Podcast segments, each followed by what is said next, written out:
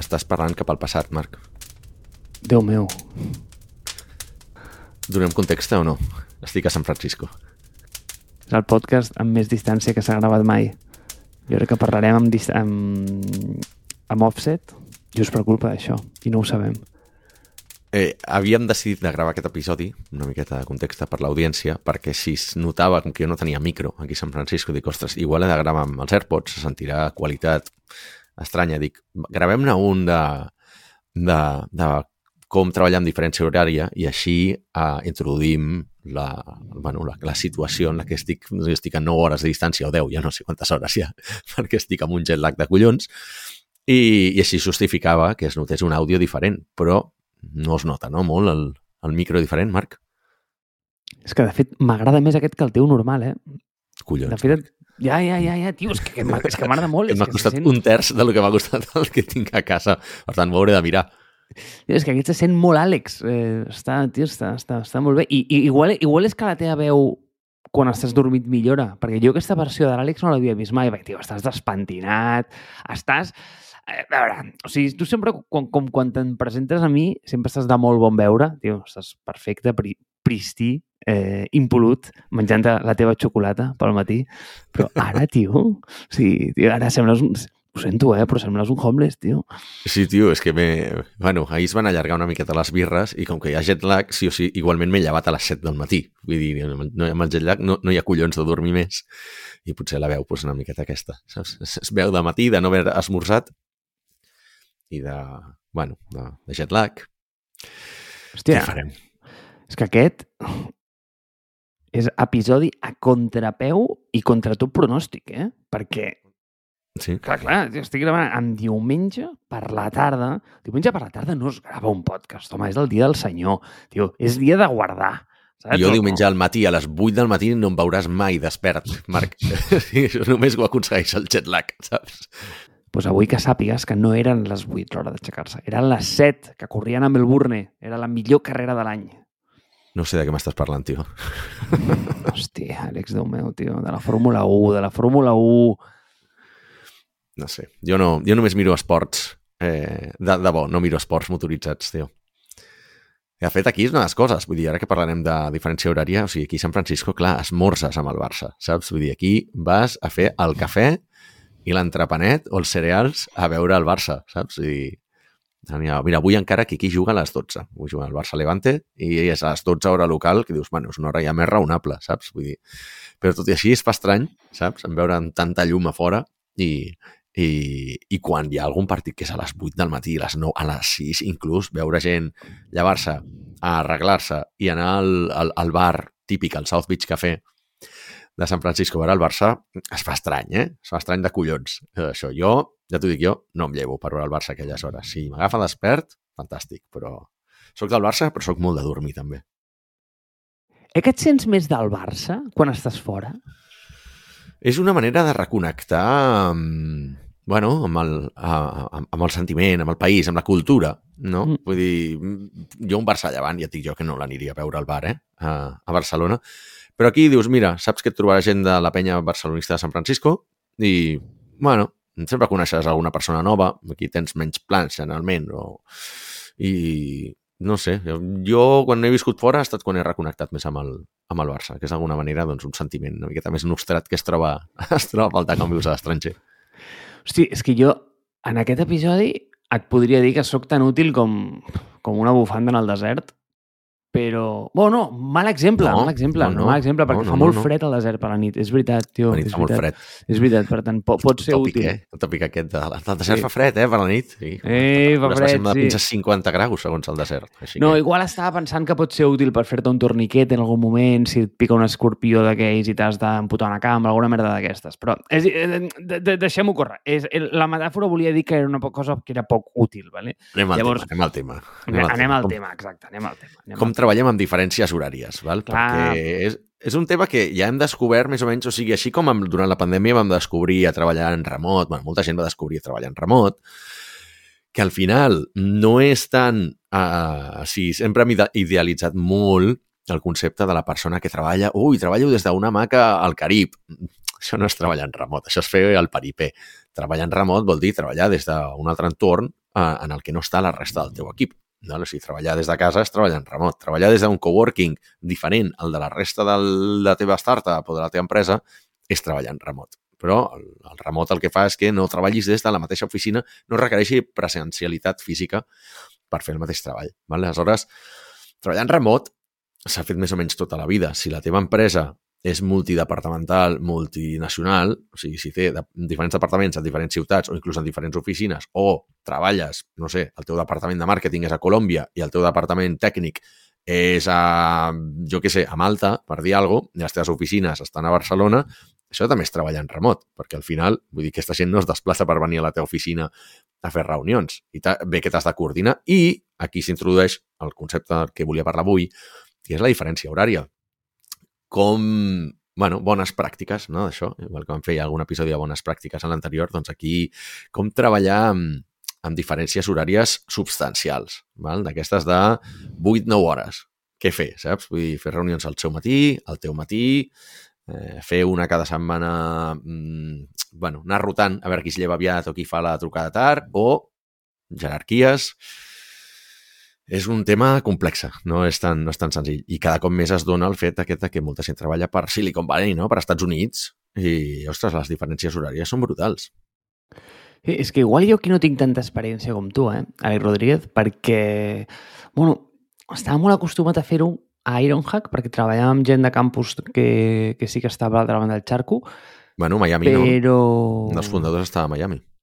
Sí, senyor.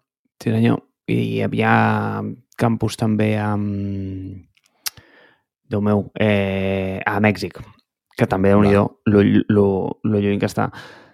Però jo, si vols, aquí tiro ja com el que ha donat la resposta per mi al, al, o sigui, a solventar temes horaris per agendar coses és mm, eines tipus Calendly, per exemple, i jo no Correcte. entenc com tothom no les fa servir. O sigui, és que de veritat que no ho entenc, no ho entenc. De fet, vaig veure que ara fa poc eh, Google ho ha començat a implementar Google sí. Calendar natiu, eh, cosa que em sembla interessant. Eh, I mira, això dona per un episodi eh, també com el de mm, tools que el teu parent eh, agregat, o sigui, com el, el tool en la qual tu estàs on top, te la fusila i te la... Eh, I com tu et, diferen et diferències com més verticalment o més nicho per, per, per, per aconseguir fer-lo sobreviure. Eh? Em sembla com sí. superinteressant aquest, aquest, aquest episodi. Pues Aquí te'l deixo per pròxim, per pròxim, pròxim. L'apuntem, que si no sempre ho diem, sí. després no. Exacte, exacte, exacte. Pues, aquesta és la primera, perquè, hòstia, és que és perfecte això. O sigui, perquè bàsicament et posa com el... Eh, primer de tot, que no puc suportar i, o sigui, sí, aquest sí que no el suporto, eh? Els de, eh, pots la setmana que ve? No, vale, i tu li dones opcions. I et diu, ah, pots tal, tal, tal. Tio, és com intentar, mm, eh, no sé, ju jugar a ping-pong amb els ulls empanats. O sigui, sí, va, alguna li donaràs, però, però clar, de pura sí. casualitat. Llavors, tio, passa'm un Calendly, però hi ha gent que se sent com ofesa, saps? Perquè és com que estàs com... Eh, I t'ho dic de veritat, eh? M -m -m o sigui, m'ho he trobat com que Sembla com que s'estan adaptant a tu. Joder. Com si fos arrogant. La gent no percep com que és arrogant. Et passo el meu Calendly, agenda'm. Sí, no? com exacte. jo. Exacte. Veus? L'altra que és bona, eh, no sé si el coneixes, i jo m'he trobat només a un parell de persones que ho tenen. Eh, no sé si coneixes un servei que es diu Clara. No. Ah, Clara és el, com un assistent virtual Tio, que, que s'encarrega de fer-te, fer d'agendar-te... Però és un, és un puto bot és la hòstia. Contesta correus i tot això. Tio, però, però que et contesta, però et juro que et contesta... Com... E, ets, ets incapaç de dir que no és la Clara, eh? Ets ja, incapaç ja, ja. de dir-ho. Incapaç. O sigui, però és que a més, el segon exercici que, que, em, que em van donar d'això, un cop que ho havia de reagendar, jo li vaig sí. escriure a la mateixa cadena de correus, però li vaig escriure al tio, ¿vale? Eh, sí. I li vaig dir, bueno, és que era un, era un tio, vull dir, és que era un, era un noi, ¿vale? Li vaig dir, ei, li vaig dir que no puc tal dia, i no em va contestar ell, tio, em va contestar la Clara ja, dient-me, ah, no preocupis tal, no sé què, aquestes són les altres opcions que té el bla, bla, bla. Tio, em vaig quedar flipant. Sigui, és acollonant el bé que funciona i t'estic parlant d'allà fa uns anys, eh? Però, bueno, o sigui, punt número 1, el Canly em sembla com, tio, el best practice que tothom hauria de fer servir i després hi ha un setting que crec que també eh, no entenc com no està activat per defecte, que és el de posar els events a les zones horàries que toca de manera automàtica. No ho entenc. No està, no està per defecte activat. Eh, ho has d'anar a Ah, val. preferències i canviar-ho. Eh, llavors, ja un cop ho tens, ja eh, t'ho guarda mm, por los tiempos. Però, tio, no entenc com, com, com no està per defecte. O sigui, és com el no sé, com el bàsic entre els bàsics. No entenc, no entenc el motiu, tio. No entenc el motiu. Vale. No, de fet, clar, jo no, no he fet servir, o sigui, he fet servir Calendly per agendar reunions a altra gent, però jo personalment jo faig servir el, a la còpia, el clon d'això que porta HubSpot, val? I ja això ja ho solventava bé per defecte, per tant, no, ni, ni puta idea. Però eh, és un bon tema perquè, veus, jo sempre m'havia preguntat per què alguns Calendlys em surt la meva hora local i alguns no, saps? Vull dir, vull agendar aquesta persona que viu a, jo què sé, a Chicago i, i de vegades em surten les seves hores i dius, vale, fantàstic, eh, no tinc ni puta idea de quina diferència horària hi ha entre Barcelona i Chicago i ho he d'anar i calcular-ho jo. Val? Aquesta és una. I després l'altra és que de vegades sí que et surt. Aleshores, vale, és una cosa més de configuració seva. Però al final aquí també és una cosa cultural. Però dic, hòstia, trobo estrany que gent dels Estats Units, que ja per se han de treballar amb l'East Coast, West Coast, no? I, i saben que hi ha molta diferència horària en el seu propi país perquè no ho tenen activat. No? Però bueno, Mm. mm. això és raro. Jo faig servir un... Mira, doncs un, dono un parell de, un parell de- d'eines en aquest sentit per quan tu ets la persona que agenda, val? la que ha, he d'agendar el Marc i dic, hòstia, està en una diferència horària de collons, no sé realment a quina correspon. Jo faig dues coses, val? Una és eh, World Time Buddy, val? una web que es diu worldtimebuddy.com, que bàsicament és, és meravellosa. Eh, et permet posar dues o tres ciutats i et diu la, et, et, et fa com les referències, o sigui, et, et calcula la correspondència horària entre, entre aquestes ciutats. Per tant, tu pots veure aquí, ostres, les 8 de San Francisco són les X hores de, de Beijing o d'Estocolm, val? Fantàstic. Jo tinc allà i sempre ho tinc configurat entre Barcelona i San Francisco perquè essencialment són les, les diferències horàries que he de cobrir amb les trucades que tinc amb, amb clients no? I, i amics. Potser de vegades hi ha un Nova York, de vegades, hòstia, mm, Buenos Aires, per dir alguna cosa, però són menys freqüents. I fins que fa poc vaig descobrir que hi ha eines que t'ho permeten. Bueno, un, no, mira, tres, en diré tres. Hi ha una que es diu eh, Menú Wall Time, si teniu Mac, que és bàsicament per tenir el, el típic horari aquell famós d'Alexander Platz de, Ber, de Berlín, que et diu tal hora a, a, a tal lloc, tal hora a tal lloc, no? Doncs jo aquí tinc configurat, o sigui, és una aplicació de Mac que se't posa a la barra de, de Mac, Menú Wall Time, i eh, pots configurar tantes ciutats com vulguis, jo tinc Barcelona, Londres, Nova York i San Francisco, i eh, et permet veure, seleccionar-ne una que sempre se't veurà al costat de la teva hora del local, o sigui, diguem, la meva hora de Barcelona, doncs tinc seleccionada San Francisco. I si clico a sobre, se'm despleguen la resta. Val? O sigui, aquesta la trobo fantàstica. És que no he de pensar en res. Vull dir, jo ara sé que a Barcelona són les 17.57, no? Ja, sí, no va, si no està equivocat, això. Ja m'ho diràs tu. I l'altra, la última, i aquesta també és de... No és relativament recent, però estava bastant amagadeta. Si us feu servir Google Calendar, podeu ficar dues time zones, dues zones horàries al vostre, al vostre Google Calendar. A, a dintre de les preferències hi ha un apartat que et permet seleccionar una segona zona horària. I, ostres, veure al mateix Google Calendar, tu agendes una cosa a les 5 de la tarda de Barcelona, però veus que a l'esquerra, on et mostra el, diguem, l'escaleta horària, pots veure tant la de Barcelona com la de San Francisco, a mi això mm, m'ha donat la vida, eh? I és un, és un clic activar això. Si feu molta, molta correspondència, anava a dir, molta videoconferència amb, amb un lloc en concret que té una diferència horària bèstia, no Londres, diguem que en té una, una hora, no? Crec que va molt bé. O sigui, jo això m'ha estalviat molts, molts, molts mals de caps, eh? O sigui, i prou exercici mental de resto 8 hores, ah no, que ja han fet el canvi d'hora, ara són 9, eh, ac- oh, aquest estat dels Estats Units no observa el canvi d'hora, que és una bogeria també alguns estats, eh, és bastant fonamental. Hosti, nen, doncs pues escolta, és que ara no recordo, espera, eh, la versió de Mac que tenim ara és eh, Monterrey, no? Eh, quina és la que hi havia abans? Eh, Catalina era? O... Ni idea. Jo vaig actualitzant, no tinc ni idea d'aquestes coses. El Vale, dia que bueno. decidim fer un episodi sobre, sobre Mac i iOS, jo aniré perdudíssim. Tranquil, tio, aquell, dia- aquell dia del piloto. Eh, però el d'abans va, va implementar els widgets junt amb la barra de notificacions i en allà pots posar un rellotge i pots posar com mític rellotge del Mac que hi ha com que hi ha quatre slots i els Sí. pots configurar i els pots posar. Jo sempre els tinc allà i tinc els de... mm, Bueno, tinc el de Mèxic perquè tinc una mica a Mèxic eh, i, i els mítics que necessito jo. I llavors així, tio, també ho tens i no necessites tool ni res. Simplement tens la barra de notificacions que està allà, pum, i t'ho posa i t'ho diu i impolut, nen. Vale. Està perfecte. De fet, hi ha un per viatjar, un, un altre tool que ara, que ara has dit que és molt bo, ah, bueno, però que l'has mencionat abans, que no té res a veure amb agendar, però que va molt bé per quan viatges, que és el del trip mode.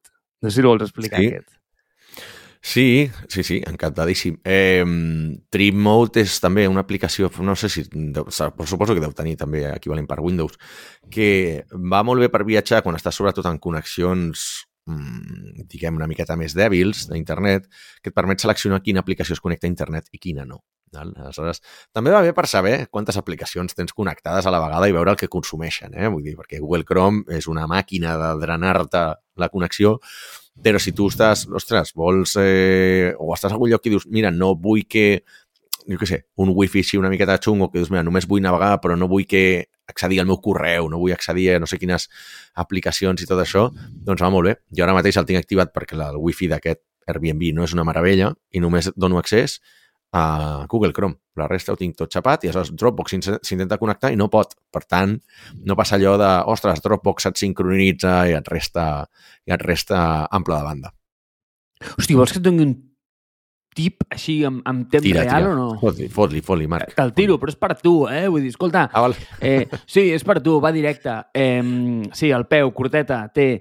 Eh, en lloc de fer servir Trip Mode, igual el que podries fer servir també és tenir menys pestanyes obertes perquè, a veure... Només en No, tinc no. una oberta, Marc. Les he xapat totes espera, espera, espera, espera. per acontentar-te.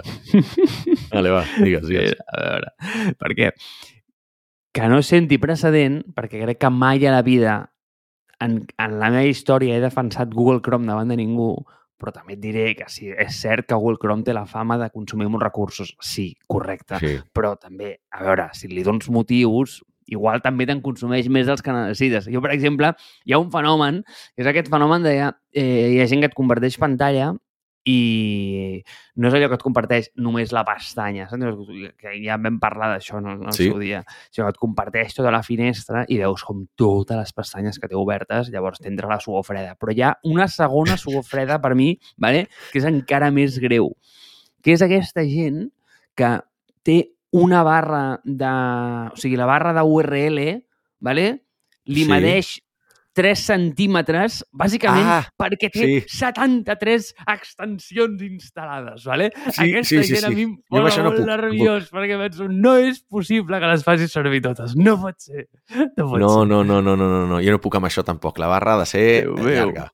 Però, bueno, ja pots amagar, pots, pots tenir tot, tot instal·lat, tot el que vulguis, però pots dir que no es mostri. El, el pots ocultar. Correcte, també. pots dir que no es mostri, però clar, jo el que no vull saber és què hi ha quan, en el botó aquell quan apretes mostrar les altres, perquè potser n'hi ha més i no ho saps, saps? Sí, Eh, És com aquesta persona que també té totes les pestanyes obertes, com tu, però que després et diu, no, no, clar, però això és una de les finestres, saps? sí, sí, sí, sí, sí.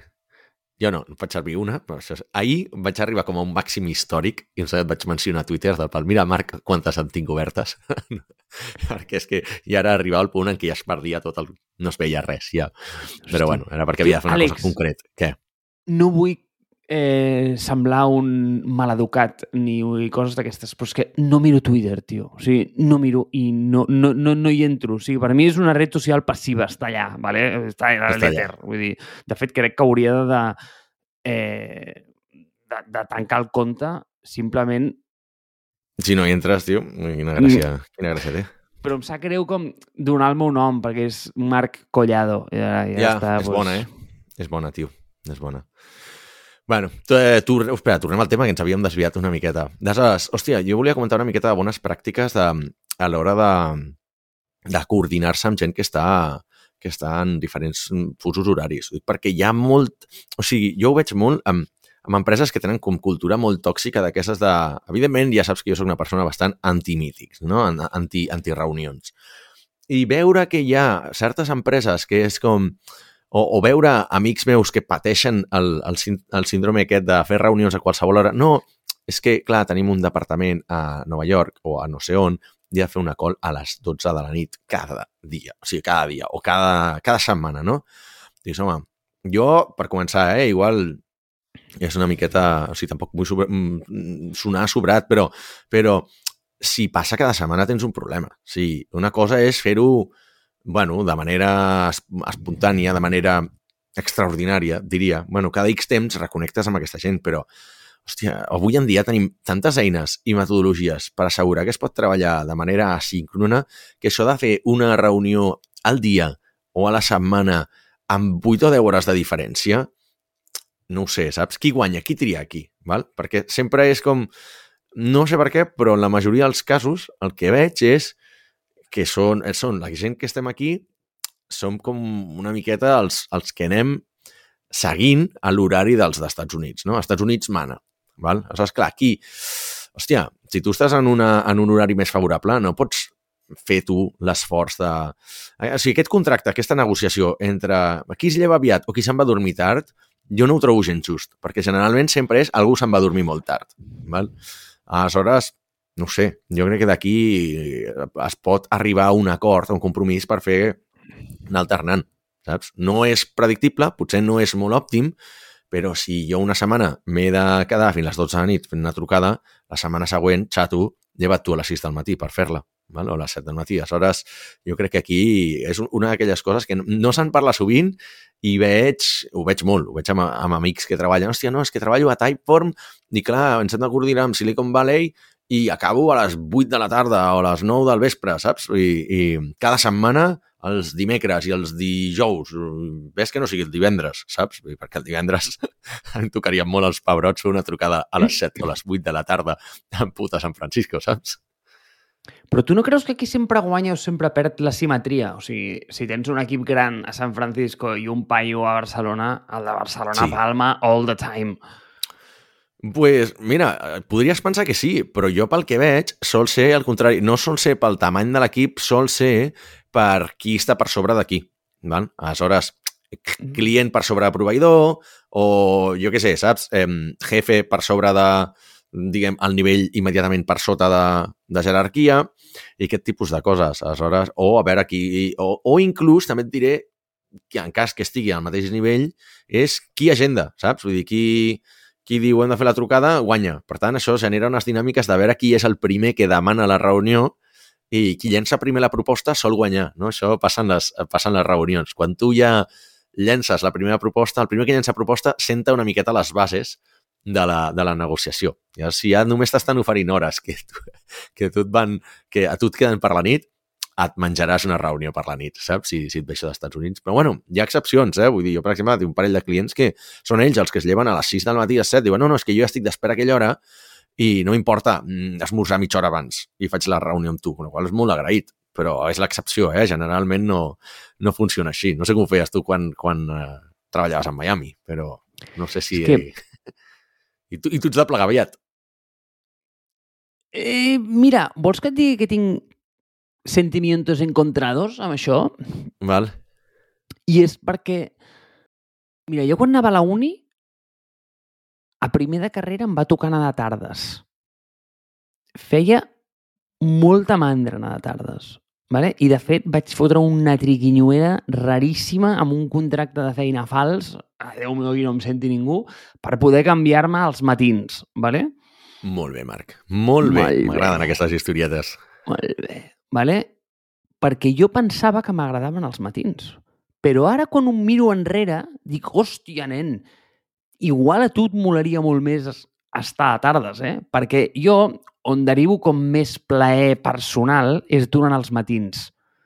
Vale? Mm. Per sortir a fer esport, per tenir temps per mi. No que em llevi tard, però és que em renta molt més al matí. O sigui, a mi, per mi, la meva feina perfecta mm, com es sincronitzaria començant tots a treballar tipus 11 a 12 saps? Em aniria perfecte, això, faria mil merdes. Saps aquesta rutina impossible que tu sempre dius, la de et lleves, eh, medites, llegeixes tres llibres, te'n vas a córrer 22 maratons, mm, saps o no? Sí, sí. sí, sí, sí. Escrius els flipats de LinkedIn, els sí, influencers sí. aquests de merda. Exacte, exacte. pues, diu, si, si pogués començar com eh, amb tot l'equip a l'hora, tipus a les mm, 11-12, em donaria temps de fer això cada dia, no? Llavors, eh, clar, mm, si arrenques pues, amb hores normals, llavors ja, ja no tant. En canvi, cada vegada em trobo més que per la tarda, hòstia, és que realment mm, en lloc d'acabar, pues, eh, que tu dius, més dureta i tal, tipus 6, eh, esti... de, anyway, ho acabes estirant sempre fins les 8 perquè la inèrcia et porta moltes vegades i ja que saps que sortiràs tard anyway, tio, pues, mm, per què no començar més tard, no? És, és interessant. I una altra cosa, a mi se m'ha acudit ara, eh? però el tema, de la, el tema de la videoconferència, perquè clar, aquí no se'ns pot veure, però tu sí que em veus, i m'has dit, fots una cara de subat que no te l'aguantes. Eh, I jo també estic pensant, eh? vull dir, quan he hagut de fer trucades i tot això molt aviat al matí o per la nit, clar, ja representa que no és un horari de, de feina, per tant, no o sigui, sota quin concepte has d'estar presentable. És a dir, jo si per, per una raó extraordinària m'he de llevar a fer una reunió a les 5 del matí, tu creus que m'arreglaré, m'empolainaré, em ficaré guapo per, per, per fer una trucada de mitja hora, el que sigui, per molt important que sigui, igual després torno a dormir. Jo no ho faria mai, eh, això, però vull dir, si per una cosa ho has de fer, aleshores, clar, en aquestes trucades és més, pot ser que no estiguis ni a l'oficina, perquè, clar, tu imagina que és, hòstia, tu treballes en una oficina, però dius, hòstia, tinc una trucada a la una de la matinada, me'n vaig a casa i la faig des de casa. Però al fons que tens a casa, fins, bueno, ara s'ha arreglat amb la teva pandèmia, però no eren fons molt presentables. Potser no tens la millor, no, no tens el millor, el millor fons, o has de parlar fluixet, o, hòstia, hi ha més gent a casa, saps? Vull dir, hi ha coses d'aquestes que dius, jo no sé si, com que és un tema que vam tractar a l'anterior episodi, el tema de videoconferència, potser en en trucades extraordinàries, jo aquí justificaria el no posar la càmera. Et dic, aquesta, a la cara de suat, despentinat, de... Igual, potser estàs inclús esmorzant. No és una bona praxis, però jo admeto que ho faig molt sovint. Val? Però jo ja he masteritzat el tema de menjar sense que se m'escolti i que sense que es noti, eh? Vull dir, però, però tio, vull dir, t'estic fent un favor llevant-me a les 5 del matí o allargant la meva jornada laboral fins a les 12 o la 1 de manera extraordinària, no em demanis que estigui presentable o que et posi la càmera i et doni encara més. Vull dir, això ja sí que em sembla d'un esclavisme ex exagerat. Mira, Àlex, deixa'm que et tanqui jo aquest episodi, ¿vale? perquè, com deia el gran Joan Laporta, tio, a mi això no em passa, ¿vale? I de veritat, a mi en això... quin context va dir això? Joan Laporta ho podia haver dit qualsevol persona. No, tio, ho va dir en un context molt, molt, molt, molt... Mm, No ho recordo. Sí, eh, no, no te'n recordes quan, eh, hòstia, quin partit va ser que va haver-hi com, com un merder molt bèstia a l'estadi i es va enfadar allà a la, a la llotja i li, i li va dir eh, a mi això no em passa, aquests a casa meva no entren, o una cosa així. No te'n recordes, Val. això? Hòstia, no me'n recordo, no hi caic. No, no, no, no. No, no Tio, sí que va ser com, com molt agressiu a la, a, a, eh, a la llotja. Com, bueno, eh, després et, passaré el tall, després et passaré el tall. Eh, pues, eh, i, I sí, sí, ho hagués pogut dir qualsevol persona, però ho va dir la porta, creu-me. Eh, és molt rellevant. I tio, que jo et tingui que treure les, mm, les analogies de futbol, tela, eh, xato, i que no les recordis, tela. Molt sorprès. Vale, doncs no em passa perquè, a veure, o sigui, tu has mencionat aquí el concepte de trucada a la una de la nit. A veure, a la una de la nit només hi ha una possibilitat, un univers o un món que es pot donar, que és que estiguis dormint. Vale? Perquè a les 9 de la nit és l'hora de dormir. Llavors, tio, si algú em diu que... No, no, doncs que t'ho dic en sèrio. Si algú em diu que fer una trucada a la de la nit, li dic com, ah, que agafi un avió i em vingui a veure el meu fus horari o dos, que em dongui opcions, perquè no és cert, no és cert que no hi ha una opció possible dintre de les 12 màximes hores que pots tenir de bus horari. que Exacte. En algun moment el trobes. Llavors, xato, mm, ens adaptarem una mica tu i jo, però a la una de la nit no és moment de fer una trucada. Val? Llavors, qui em vingui i em digui oh no, és que avui tinc que fer una trucada a la una de la nit, doncs jo pensaré que, fill meu, ets burro. Eh, O dèbil, o dèbil. De igual, igual és més dèbil, igual és més dèbil. I no, per tancar-lo, dic una altra cosa, que avui has parlat molt, tu. Àlex, Foli, foli. m'has de portar un regal de San Francisco. Estic expectant. A veure, què em demanaràs? Tio, vull el penjarrobes que tens allà de l'Airbnb. Val. Tio, El trobes, roba'l. el trobes maco, el trobes maco. Tio, és una puta passada. O sigui, per la gent que no tingui context, és el... Eh, és un penjarrobes de fusta amb el Hello del Mac original eh, pintat a sobre. Ah, val. Ostres, veus? O sigui, si un, el dia que fem un episodi de Mac és que aniré jo tan perdut i mira que ja dintre de poc farà 8 Sí. anys que tinc un Mac. No tinc ni idea de cultura, A veure, la pop a veure, a culture veure. de... Tu no saps què va pintar el Mac de 1984 quan Steve Jobs el va presentar al món? No tinc ni idea. Posa això... Si, si tu ara te'n vas al, al teu Mac, en el teu mateix, eh? En el teu mateix, sense, sense anar més lluny. Pre preferències del sistema, System Preferences, perquè ho tinguin en Vinga, anglès. Te'n vas a Desktop and Screensaver, Sí? ¿vale? Te'n vas a Screensaver, mira ah, un no, que es no, diu no, Hello. no, Marc, no, no, no és exactament. Home, tu has vist Hello escrit amb, amb lletra lligada, has pensat que era... S'assembla, però no ho és. Mira la O, la O és diferent. És que no ho veig des d'aquí tan, tan, tan crític. No, no ho veig tan bé des d'aquí. Bueno, No, no, fi, no, s'asse- pues- s'assembla, eh? Però, però és que Hello amb lletra lligada era fàcil, eh? Però... Ah, doncs pues no m'ho portis, no m'ho portis. Eh, però po- porta'm alguna coseta relacionada així amb el mundillo Apple, home. Eh, alguna no, cosa que no, aquí... no el robarem. No el robarem, no el robarem.